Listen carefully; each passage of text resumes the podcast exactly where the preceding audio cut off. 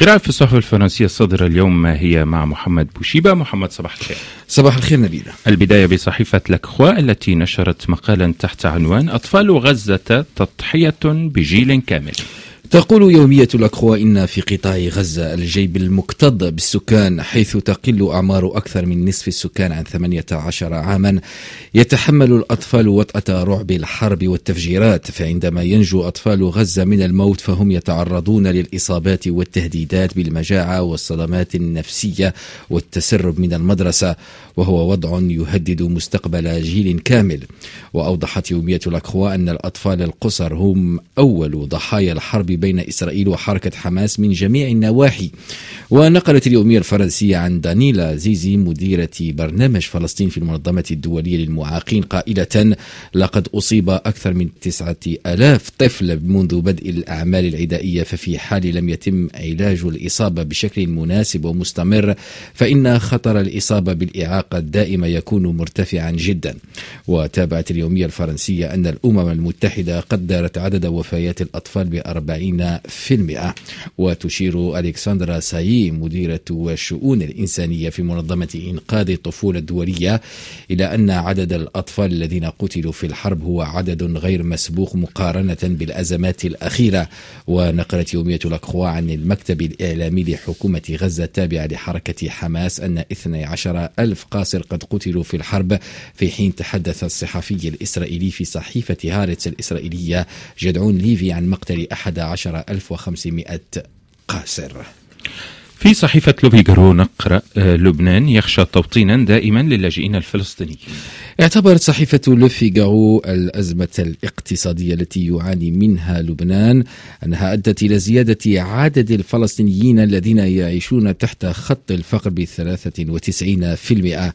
ونقلت اليومية الفرنسية معاناة اللاجئين الفلسطينيين في مخيم البص حيث ما يرعب السكان هو الإعلان عن تجميد تمويل وكالة الأمم المتحدة للاجئين الفلسطينيين الأونروا التي تقدم المساعدات الإنسانية والحماية لسبعمائة ألف فلسطينيين نزحوا وقت إنشاء إسرائيل.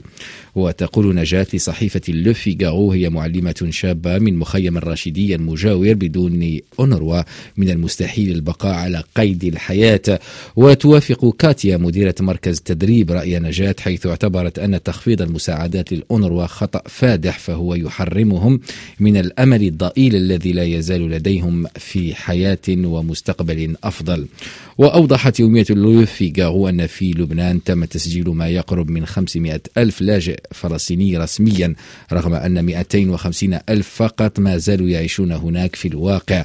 وتدير وكالة الأمم المتحدة للاجئين الفلسطينيين الأونروا 12 مخيما بلبنان بميزانية سنوية قدرها 200 مليون دولار. فهي تمول 61 مؤسسة تعليمية و155 عيادة صحية وتوظف 500 موظفا حكوميا. وأفادت اليومية الفرنسية أنه ليست المرة الأولى التي يتم فيها التشكيك في بقاء وكالة الأمم المتحدة حيث يرى القادة الإسرائيليون أنها جزء من المشكلة لأنها تجعل اللاجئين الفلسطينيين يحتفظون على أمل العودة المحتملة وهو حق يعتبرونه غير قابل للتنازل.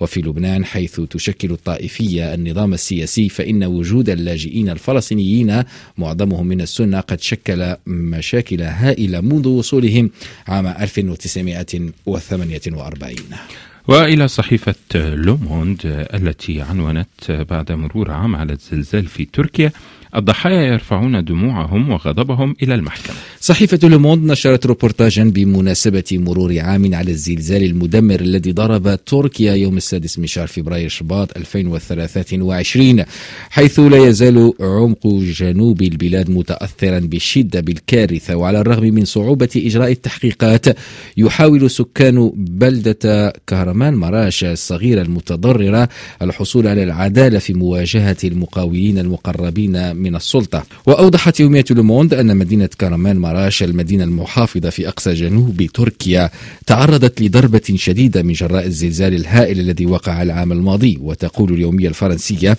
إن على مرتفعات شارع وزير هوكا الذي يمتد مباشرة نحو وسط المدينة دمر الزلزال مبنيين من أصل ثلاثة أما المباني الأخرى فباتت غير صالحة. صالحة للسكن فقد تم إخلاؤها وإفراغها ووعد بهدمها في المستقبل ولم يبقى سوى عدد قليل من المباني قائما في الحي. وتابعت اليومية الفرنسية عملية بحث عن الأدلة بين ركام الحجارة والخرسانة لبقايا مبنى سعيد باي الاسم الذي أطلق أثناء بنائه عام 2016 وهي عملية تقوم بها السيدة توبا إبر إرديم أوغلو بحركة بطيئة ودقيقة بحثا عن أدلة تقدمها إلى العدالة.